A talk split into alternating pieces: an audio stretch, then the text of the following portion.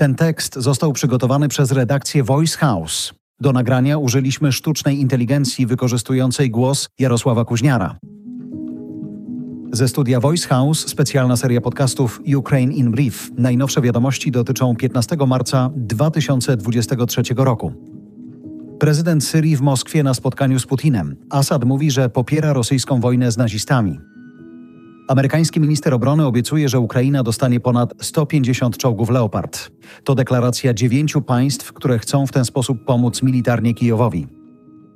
Prawdopodobnie strącenie dużego amerykańskiego drona nad Morzem Czarnym przez rosyjski odrzutowiec nie było zamierzone. To słowa rzecznika dyplomacji Waszyngtonu. Moskwa liczy na wyłowienie amerykańskiego drona, ale Amerykanie ponoć usunęli już wrażliwe oprogramowanie.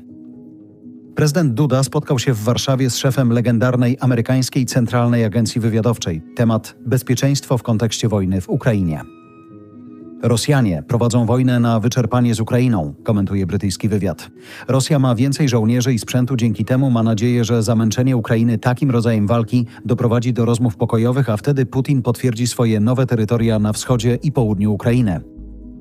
To jest piekło na ziemi, mówi w CNN jeden z żołnierzy broniący Bachmutu. Oto miasto od wielu długich miesięcy toczą się najcięższe walki. Ukraińskie dowództwo nie chce się wycofać mimo ogromnych strat także po stronie Kijowa.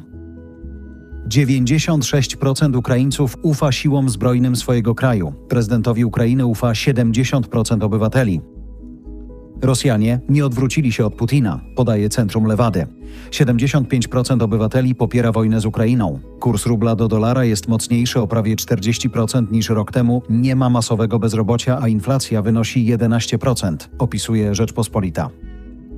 Parlament Europejski przyjął rezolucję potępiającą białoruski reżim Łukaszenki. Dokument wymienia represje wobec społeczeństwa obywatelskiego i wzywa do silniejszych sankcji wobec białoruskiego reżimu.